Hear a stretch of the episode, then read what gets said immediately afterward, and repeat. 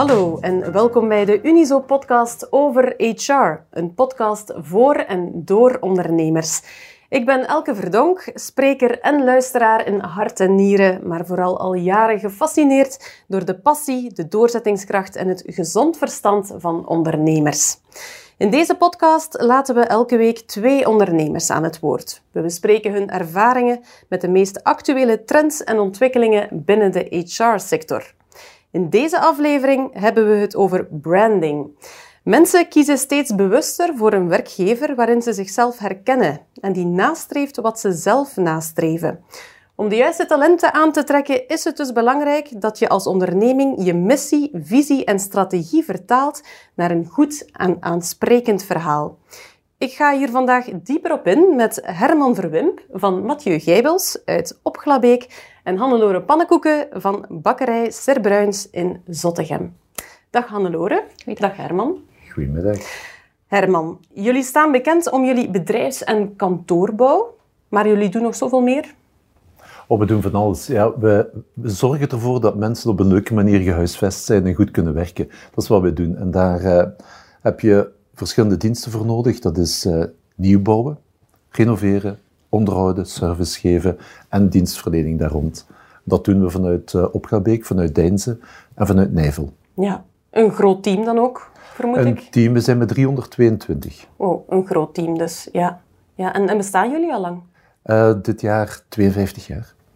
Dus ja, we zijn eigenlijk al, uh, ja, we zijn nog geen drie maal twintiger, maar toch beginnen in de richting te ja, gaan, een ja. volwassen bedrijf. Ja, ja oké. Okay. Hannelore, jullie maken heel wat Zottegemnaren gelukkig met jullie uh, patisserie en brood.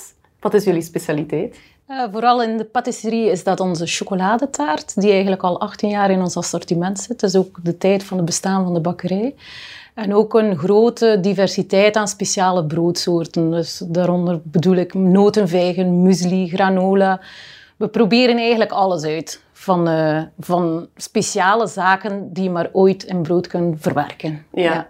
En mensen, wij voelen dat wel, dat mensen dat ook, daar, dat die daarvoor openstaan. Dat ze dat wel appreciëren, dat wij telkens opnieuw vernieuwing zoeken en dat het niet enkel blijft bij een gewoon wit brood of bruin brood. Dat hebben we natuurlijk ook in ons assortiment. Maar dat wij telkens opnieuw wel verrassend uit de hoek komen met een specialeke. Ja. ja, want jullie bakkerij is toch wel een instituut in Zottegem. Het bestaat al heel lang. Ja, legt dat een extra druk op jou? Het legt niet een extra druk op mij, want die, de bakkerij zelf bestond eigenlijk al 60 jaar toen ik die eigenlijk in 18 jaar geleden overnam. En dat was eigenlijk gekend als louter patisserie. Dus dat is eigenlijk een volledige overgang doorstaan. En daar hebben wij eigenlijk zowel de specialiteit patisserie gehouden, maar hebben wij dat eigenlijk ook uitgebreid naar een groot assortiment brood. Ja. En wij, met hoeveel zijn jullie? Uh, wij werken, dus ik alleen ben eigenlijk de zaakvoerder en dan heb ik eigenlijk nog vijf mensen in dienst. Drie mensen die achteraan in het atelier, dus de, voor de productie zorgen, en twee mensen in de winkel. En dan wordt het uiteraard nog aangevuld met studenten en flexies. Ja, oké. Okay. Herman, ik zag op jullie website al meteen een aparte pagina met bedrijfscultuur. Ja, dat, dat laat toch blijken dat jullie wel heel hard bezig zijn met het imago van jullie bedrijf en ook ja, de employer branding en zo. Hè? Ja, um, absoluut. Bedrijfscultuur. Als je gaat werken voor, um, bij een bedrijf, dan ga je vooral werken samen met collega's, voor klanten, voor een doel. En dat doe je op een, uh, op een manier die je kan samenvatten als een bedrijfscultuur. Als je je goed voelt in een bedrijfscultuur, goed voelt met de klanten, goed gewaardeerd voelt, dan gaat dat waarschijnlijk een lange termijn relatie worden. Is dat niet oké, of past dat niet met jou als individu, dan ga je daar waarschijnlijk ook niet voor kiezen en niet gelukkig worden. Dus voor ons is dat essentieel dat de bedrijfscultuur aansluit bij, bij de medewerkers.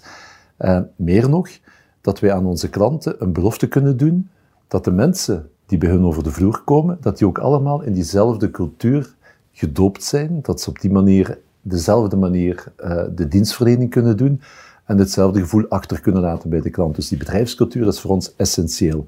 En is waarschijnlijk het element dat het moeilijkst te kopiëren is als je wil uh, concurreren met andere bedrijven. Je kan de diensten uh, gaan, gaan kopiëren, je kan, je kan zelfs de campagnes, de reclamecampagnes kopiëren, je kan de locatie kopiëren, maar de bedrijfscultuur, dat kan je niet kopiëren. Dat zit echt diep in de genen. En dat duurt jaren om dat uh, op te bouwen en aan te, aan te werken. Ja.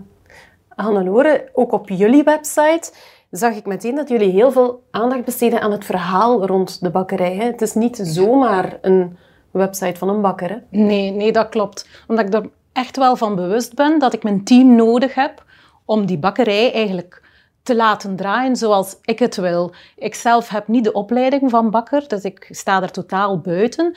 Maar alle individuen die er werken, hebben wel hun kennis, hun specialiteit. De ene is creatief, de andere is leergierig. En je moet dat ook weten te waarderen en appreciëren en die mensen de kans geven om zich te ontplooien in de zaak waar ze werken.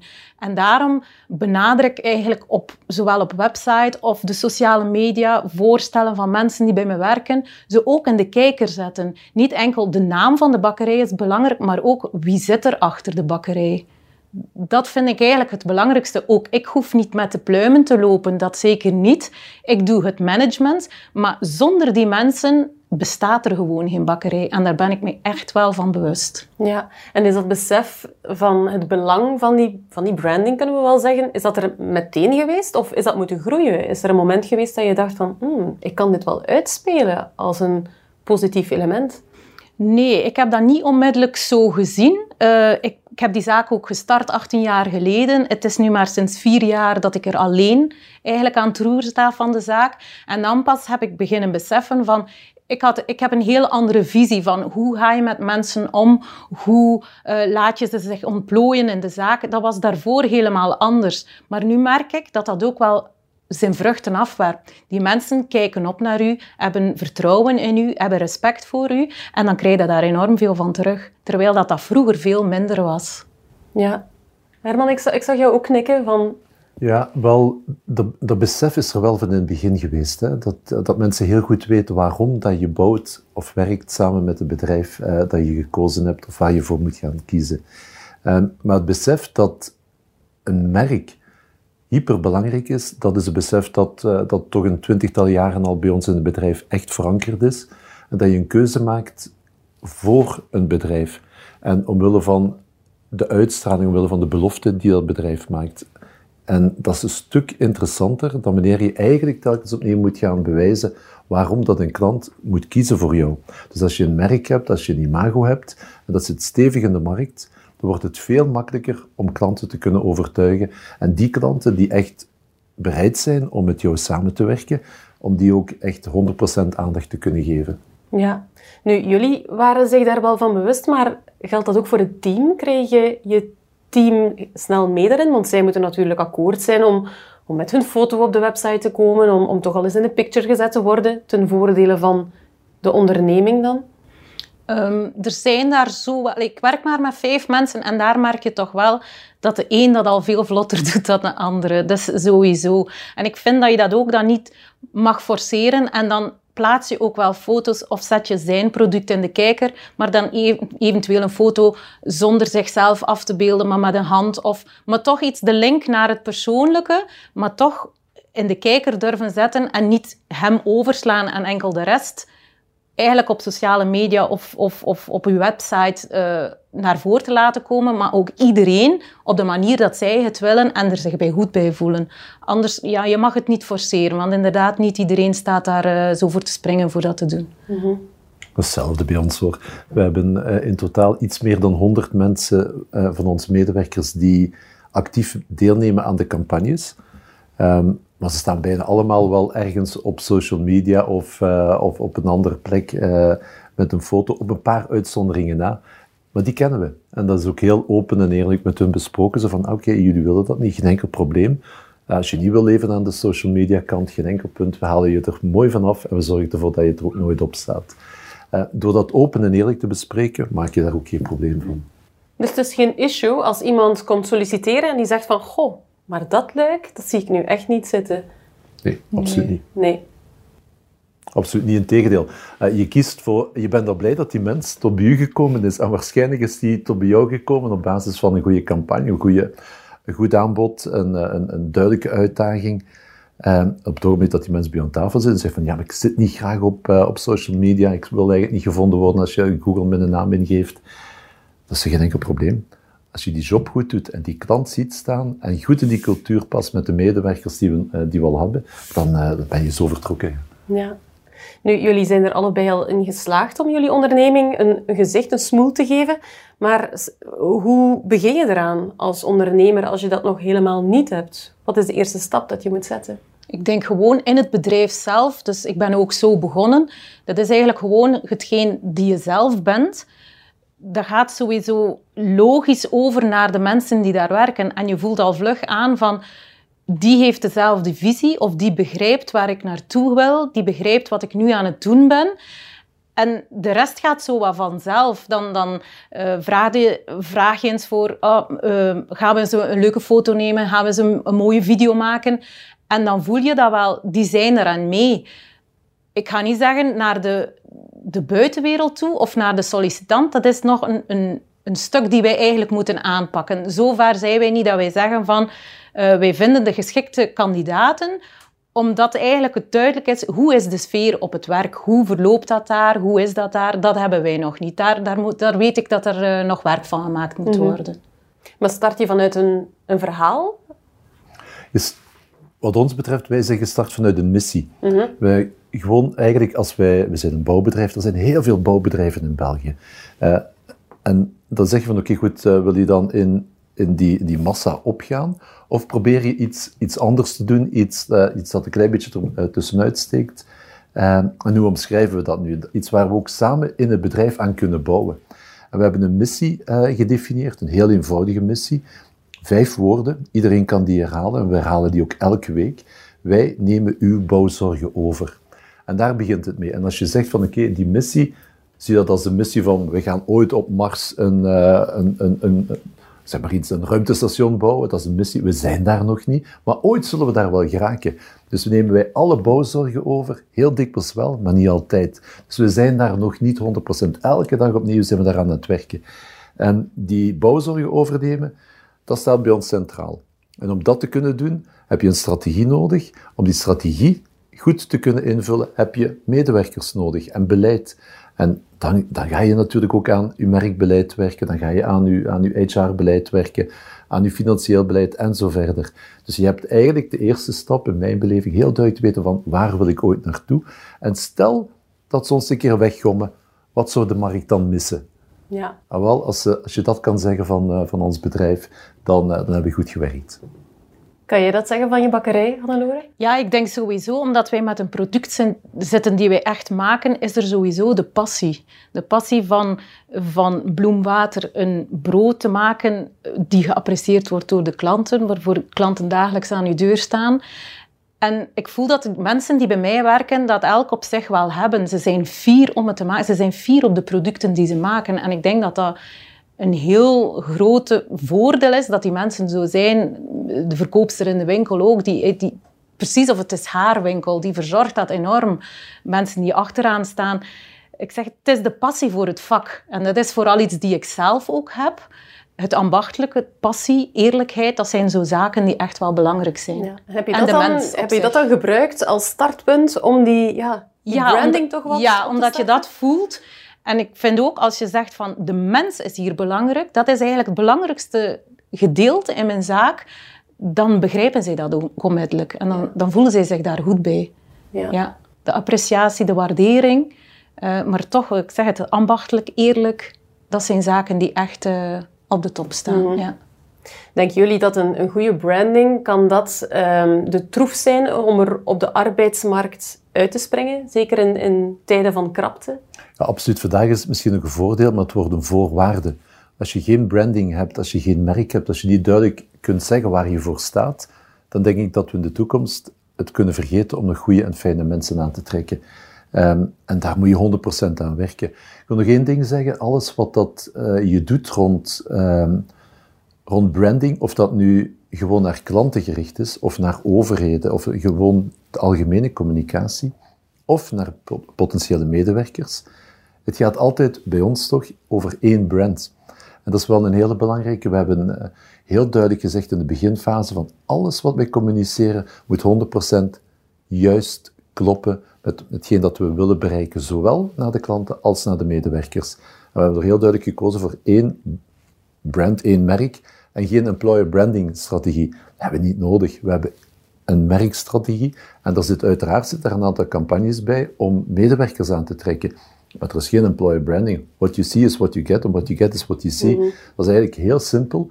En dat is ook essentieel om tot een sterk merk te komen, dat het authentiek is, dat het doorleefd is, dat op het ogenblik dat je door het bedrijf rondloopt, en dat gebeurt, hè, dat een klant een keer door het bedrijf loopt en die zegt tegen de medewerker om de hoek, die zegt van, by the way, ik heb dat daar juist gehoord. Is dat hier wel zo? Ja, dan moet je hetzelfde antwoord krijgen. En als je dat bereikt hebt, dan heb je eigenlijk een sterk merk intern en dan kan je dat ook helemaal authentiek naar buiten gaan brengen. Ja, dus Herman, wat jij zegt is eigenlijk het, het branden van mijn bedrijf is hetzelfde branden als het branden van mijn product bijna. Ja. Het is één. Ja, en je hebt natuurlijk campagnes, hè. je hebt acties die lopen om een product of een dienst echt in de markt te zetten, dat is, uh, dat is heel duidelijk. Uh, maar wij hebben ons bedrijf ook ondertiteld als de voordenkers. Dus als je bij ons naar uh, gaat zoeken en je komt op de website terecht of komt op campagnes terecht, dan zie je Mathieu Gijbel staan, de voordenkers. Daar staat heel van onder nog zo'n klein beetje bedrijfs- en kantoorbouw, maar dat leest niemand. Maar de voordenkers wel. Wat zeg je daarmee? Net hetzelfde als wat Anne-Lore vertelt. Op het ogenblik dat je met ons gaat samenwerken, dan nemen wij die bouwzorgen over. Maar wij, dat is niet Mathieu Gijbels, dat is niet Herman Verwimp of de collega's, dat zijn onze collega's die dat komen doen. En onderweg ga je met 322 medewerkers aan tafel zitten om dat project te realiseren. Zij gaan dat doen. De voordenkers gaan dat doen. En op dat ogenblik uh, krijg je ook opnieuw een hele dynamiek in het verhaal. Zo van, ja, we zeggen wel dat de mensen centraal staan. Dat is juist. Maar we tonen dat. We, we laten dat zien in onze campagnes. Maar het staat ook nog onder onze naam. Er staat niet dat wij een bouwbedrijf zijn dat dit en dit en dit allemaal doet. Nee, nee wij denken voor. En het zijn de mensen die voordenken, niet het bedrijf. Ja. Heel mooi verhaal, ook bij jullie Hannelore. Een heel mooi verhaal van passie. Bedenken jullie dat zelf? Of hebben jullie daar externe hulp voor? We hebben het zelf gedaan. Ja, ik ook eigenlijk. Ja. ja. ik ben daar ook zelf zo achter gekomen van dat dat eigenlijk wel hetgeen is waar je mee verder raakt. Niet zo gewoon maar een, een product maken en het willen verkopen, dat er echt een verhaal moet achter zitten. Ja, dus het is niet per definitie nodig om naar een duur marketingbureau te stappen? Voor mij hoeft het nu nog niet. Ik ben ook natuurlijk maar een heel klein bedrijfje. En voorlopig uh, kan ik het zelf eigenlijk wel nog wel runnen. De, hoe zou ik het zeggen, mijn sterke kanten, dat gebruik ik dan zelf en doe ik zelf. Maar alles waar dat ik eigenlijk minder kaas van gegeten heb, daar stap ik dan toch wel naar externe personen voor. Waaronder ook partners van Unizo of een, een uh, iemand die de storytelling eens onder handen neemt. Omdat dat toch ook allemaal heel veel tijd vergt. En als je maar één iemand hebt in het management, uh, is dat, wordt dat allemaal een beetje te veel. Dus je moet eigenlijk echt wel kiezen van wat zijn je sterktes, gebruik die. Wat zijn je zwaktes, laat die aanvallen door anderen. Ja. Ja, helemaal. We hebben wel een, een, strategische oefening onder begeleiding gedaan. Dat, is wel, uh, dat hebben we wel extern laten, laten doen. Uh, daarnaast hebben we die storytelling hebben we zelf gedaan, maar ik kan me heel goed voorstellen dat dat moeilijk is. Uh, en ik vind de story, het verhaal dat je brengt, op een geloofwaardige manier echt naar de essentie van het merk gaan, dat, dat heb je eerst nodig. Dat is, dat is ook die missie, hè? dat is ook waar sta je voor, op welke manier vat je dat gebald samen. Als je dat goed kunt doen, dan ben je al een flinke, flinke stap verder. Heb je daar steun voor nodig? Fair enough. Ga rond de tafel zitten, eh, pak een bedrijfje rond uh, onder de arm en zorg dat je story, dat je verhaal goed klopt, intern, extern en op de verschillende markten. Ja. Zijn jullie dan toch al ook eens tegen bepaalde zaken aangelopen? Zijn vooral, er valkuilen in het Bij mij was het vooral het interne was eigenlijk al oké, maar dat externe was nog niet duidelijk. En daaraan, waar heb ik het aan gemerkt? Uh, verkeerde kandidaten krijgen. Het is heel moeilijk. Bakkerij is een knelpuntberoep, dus het is heel moeilijk om de juiste mensen te krijgen. En als je dan eigenlijk ook een verkeerde vacature uitstuurt, ja, dan krijg je sowieso niet de mensen die jij eigenlijk wil. Dus daar heb ik mij ook laten in ondersteunen. En ze hebben daar eigenlijk ook die vacature meer uitgeschreven als een verhaal. Ze hebben het ambachtelijke in de kijker gezet, het familiale, open communicatie. En dan merk je wel dat je daar veel meer reacties op krijgt. Dus dat is wel iets dat je zegt van, daar loop je wel in tegen als je daar niet mee bezig ja, bent. Het is soms wel eens trial and error. Ja. ja. ja. bij ons ook hoor. Uh, we hebben al wel wat uh, jaren ervaring op, uh, op het gebied van marketing. En er zijn toch nog dingen die je elke dag opnieuw beter zou kunnen doen. Uh, een heel belangrijke is dat het zeer verleidelijk is op zeker ogenblik dat je zo overtuigd bent van je kunnen, maar ook van je, van je zijn en van de, van de richting dat je uit wilt, wilt gaan, dat je te snel wilt gaan en dat je even vergeet om af te toetsen bij de klant om te kijken of het wel klopt of niet. En dat is een valkuil die, die ik heel vaak zie maken. Ik denk, ik voel, in mijn buik zegt dat, ik heb een beetje uh, gegevens, we kunnen in die richting gaan. En dan kom je op de markt en dan eigenlijk zegt die klant, ja, dat is wel interessant, maar dat zijn dingen die, die je kan vermijden. daar lopen wij nog altijd tegen, tegenaan. Dat is soms ook de dynamiek van de ondernemer. Hè? Die zegt, ik zie een opportuniteit, laat ons dat doen, we pakken dat vast, we gaan, uh, we gaan starten. En dus dat niet te veel, als dat niet te veel geld kost of dat niet, niet te veel tijd in beslag neemt, is dat niet zo erg. Maar als je dan doet op, op iets fundamenteel, als je een nieuwe dienst lanceert, ja, dan heb je wel een probleem. Mm dus dat absoluut niet doen. Altijd even die toets. Ga eens praten met een paar klanten of potentiële klanten. Dat kost niet veel tijd. Heb je daar geen tijd voor? Neem even een bureautje onder de arm en zeg van ik wil dat je met 20 of met 30 van mijn klanten gaat praten. Toets het een keer af. En ga een keer die, die hypotheses in de markt uh, aftoetsen en dan pas schakelen. Um, een, een wijze raad waar dat we toch een aantal keren ook al zelf uh, tegen de lamp ja, gelopen zijn. Ja. ja. Zeg, en brengt het ook op, de branding? Behalve het feit dat je goede kandidaten krijgt, bijvoorbeeld bij, bij vacatures. Brengt het ook economisch op? Ja, dat is natuurlijk dat is een hele moeilijke om te meten. Ja, eh, ik zou zeggen ja. Het is, uh, als je het hebt over uh, een top-of-mind positie, hè, je, je zoekt... Uh, je komt in een competitieve wereld terecht en dan zeg, moet je op zeker ogenblik een keuze maken met wie gaan we rond de tafel zitten. Dat is branding. En dan moet je een top-of-mind positie hebben dan moet je aan tafel zitten. Ofwel bij, in ons geval bij architecten of bij klanten. Um, zonder een branding gaan de mensen zeggen van wie is die rare snuiter? Met, waarom zou je in godsheer naam daar tijd in steken? Dus die hoorde kunnen nemen op, uh, op een ogenblik dat, uh, dat de anderen nog moeten beginnen met lopen, ja, dat geeft u een gigantische voorsprong. Mm -hmm. En naar de, naar de kandidatenmarkt, naar medewerkers, ja, mensen, mensen die zeggen van ik zou eigenlijk wel graag bij jullie komen werken. Ja, daar doe je het voor. Hè? En dat zou nooit, nooit gebeuren als je niet aan communicatie deed, als je niet een heel uh, stevig verhaal had, als je dat niet op een consistente manier doet, jaar na jaar na jaar opnieuw. Het is niet één jaar, hè? het is twintig jaar echt gericht uh, op lange termijn verder, ja. uh, verder gaan. Hannelore, komen de klanten bij jullie voor jullie verhaal?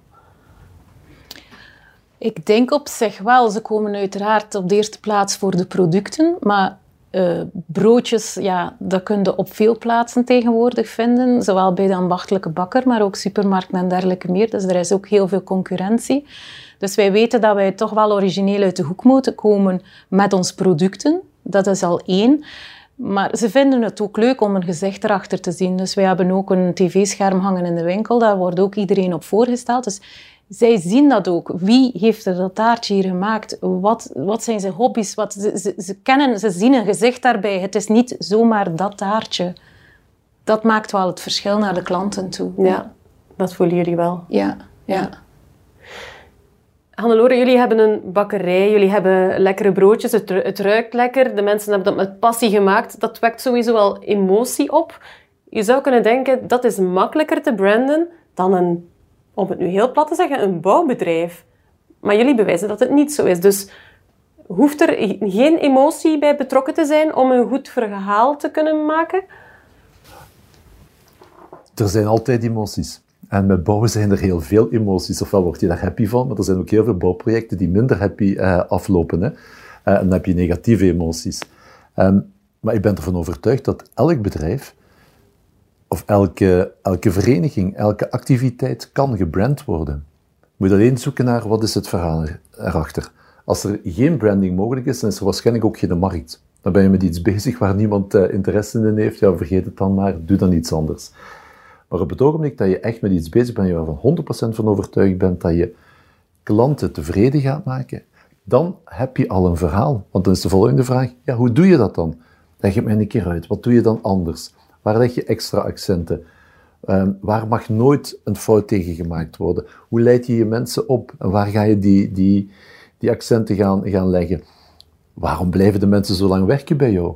Als je die antwoorden hebt, dan kom je al heel snel tot een verhaal dat zegt van verdorie, er zit wel iets achter die deur. Ja, ik ga dat vertellen. Dat is overal mogelijk. Mm. Ja.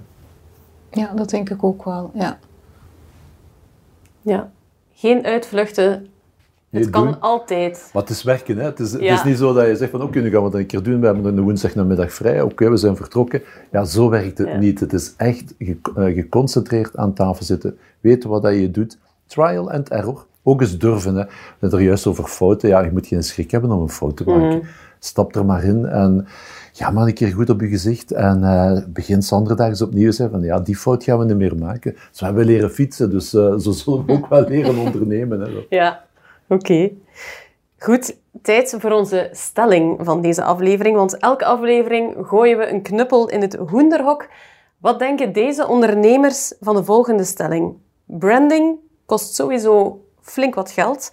Als kleine of startende onderneming is dat zeker geen prioriteit. Ik zou zeggen, het is de eerste prioriteit. Op het ogenblik dat je denkt met een idee te zitten, op het ogenblik dat je denkt dat er een markt is, en dat je vervolgens zegt van hoe ga ik dat nu in de markt zetten, en je hebt dan niet nagedacht hoe dat je dat gaat doen, is de kans op succes stukken minder groot dan wanneer je het wel gaat doen. Dus voor mij prioriteit nummer één. Ik denk eigenlijk ook dat je een verhaal moet hebben vooraleer dat je eigenlijk een zaak kan starten. Je kan natuurlijk zonder een verhaal instarten, maar dat het eigenlijk van korte duur gaat zijn. En als je een verhaal kan starten waar dat je zelf enorm achter staat of die gewoon jezelf is, dan gaat dat al iets vlotter dan echt een verhaal moeten creëren en dat dat wel stapsgewijs moet. Dat je niet alles kan onmiddellijk verwezenlijken, dat dat echt per stap is, dat je dingen leert, aanleert en zo daarin verder groeit. Ja, het is echt ook wel het klassieke verhaal van je moet weten waarom dat je iets doet, dan vervolgens hoe dat je doet en dan wat dat je gaat doen. Maar als die waarom niet duidelijk is, dan wordt het heel moeilijk om die hoe goed te gaan uh, plaatsen. En het wat, ja, dan ben je in het schieten naar alle kanten van de wereld. Dat gaat echt niks opleveren. Dus why, en dan de hoe, en dan de wat. En die why, daar zit uw verhaal. En daar zit ook een reden welk probleem los ik op. Als je als, als ondernemer eh, business to business of business to consumer aan het werken bent, ben je wel een, een behoefte van een klant aan het invullen. Je bent een probleem aan het oplossen. En als je dat niet kunt omschrijven, ja, dan heb je toch wel een probleem. Mhm. Dus dan moet je iemand zoeken om je probleem op te lossen. En dat is ook zijn of haar why. Uh, dus zoek alsjeblieft naar die why. En begin met die verhaal uh, heel duidelijk te maken. Dat is een basisspeler van elke onderneming. De basisspeler. De basisspeler. Ja, oké. Goed, Herman en Hannelore, we komen zo een beetje aan het einde van ons gesprek. Um, ik heb alvast heel veel bijgeleerd. Hebben jullie iets van elkaar geleerd?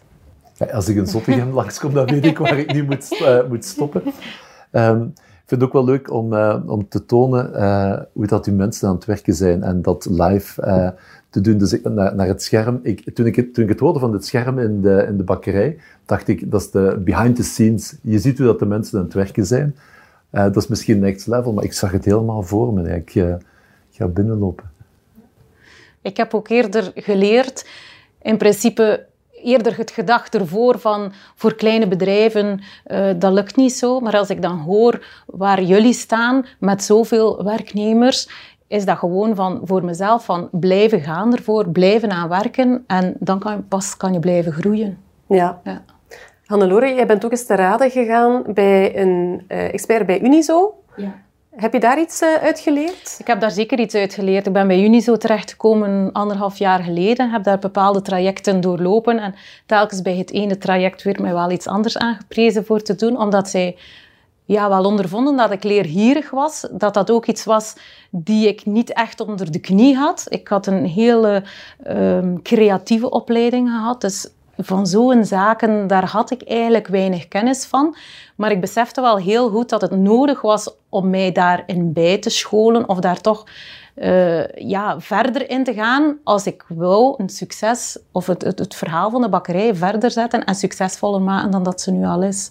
Dus ik, ja, Unizo heeft voor mij daar wel grote stappen laten inzetten. En die, de, het laatste gesprek voor, van de HR, dan sturen ze mij door naar partners van hen, die mij daar ook op zich dan ondersteunen in andere zaken. En ja, ik vind dat toch wel een, een groot pluspunt. Ja, toch wat kunnen want anders sta ik er wel echt alleen voor.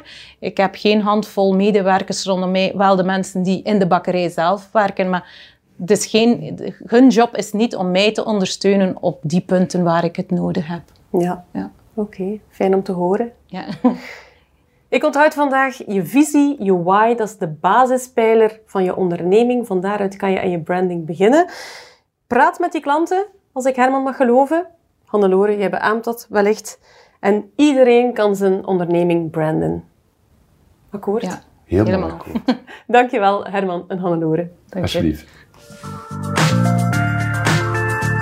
Benieuwd welke tips onze expert deze aflevering voor ons heeft. Dag Madeline van Liantis. Madeline, hoe pakken we dat nu goed aan, die branding? Ja. Als we het hebben over employer branding, dan denken we vaak aan een wervende vacaturetekst of een wervingscampagne. Maar het gaat veel uh, breder dan dat. Het is eigenlijk een aantrekkelijke werkgever zijn en ook inzetten ja, op je potentiële nieuwe medewerkers, maar ook op het betrekken en behouden van je huidige personeel. Dus het loont wel om daar de moeite, het loont wel om daar tijd en energie in te steken. Um, door die positieve vibe te creëren, trek je sneller mensen aan. Mensen willen sneller bij jou werken. Maken misschien zelf al die culture fit. En uh, waardoor de match misschien sneller is gemaakt. Um, dus het is zeker de investering waard. Uh, je kan er zelf veel tijd en energie in aan besteden, maar ik hoor heel vaak dat ondernemers zeggen: Ja, ik heb er allemaal geen tijd voor. Ik wil bezig zijn met mijn core business. Het interesseert ze misschien ook wat minder. Dan kan het echt wel lonen om het ook een stukje uit te besteden. En je hoeft dan niet altijd te denken aan een uh, ja, duur uh, marketingbureau. je kan, ja, want hoe meer je zelf doet, hoe meer je de kostprijs kan drukken. Dus je kan ook zeggen van ik lever zelf bijvoorbeeld de content aan en ik ga samenwerken met een freelancer of een student marketing. Uh, voor maar een paar uur per week of per maand kan je al een, een, uh, ja, mooie marketingcampagne of employer branding campagne opzetten. Um, en waarschijnlijk doe je al heel veel als werkgever. Hè, maar weet het bredere publiek dat? Weten ze waar jij voor staat? En wat zijn de waarden van je organisatie en hoe draag je die uit? Uh, ik zou je dus zeker aanraden om dat niet alleen te bepalen, maar ga opnieuw in gesprek met je medewerkers en vraag eens aan hen: waarom werk je hier nu graag bij ons? En misschien is het wel omdat je uh, opleidingen biedt. Oké, benoem dat dan en speel dat dan ook uit. Misschien willen je medewerkers daar ook wel eens een artikel over schrijven of een blog over schrijven. En dan kom ik ineens op mijn laatste, eh, derde tip. Maak van je medewerkers je trouwste ambassadeurs. En zij zijn uiteindelijk degene die het verhaal ook verder vertellen. Um, uh, als je enthousiaste medewerkers kan faciliteren in een rol van ambassadeur, dan levert dat jou als bedrijf uiteindelijk ook heel veel op en een sterk merk. Absoluut. Dankjewel, Madeline. Zit je zelf nog met heel wat vragen over je HR-beleid? Weet dan dat er bij Unizo een heel team van HR-experts klaarstaan om jou als ondernemer te helpen bij je HR- en personeelsaanpak. Neem dus zeker een kijkje op unizo.be slash elktalent aan boord. Daar kan je de HR-scan invullen. Dat is een vragenlijst waarin we gaan peilen naar jouw huidige personeelsaanpak. Een HR-expert van Unizo gaat vervolgens met jouw antwoorden aan de slag. Hij of zij neemt contact met je op en je krijgt praktisch advies op maat van jouw bedrijf. En dat helemaal gratis. In de volgende aflevering hebben we het over diversiteit en inclusie in je onderneming en hoe je daar concreet mee aan de slag kan. Dankjewel en tot de volgende.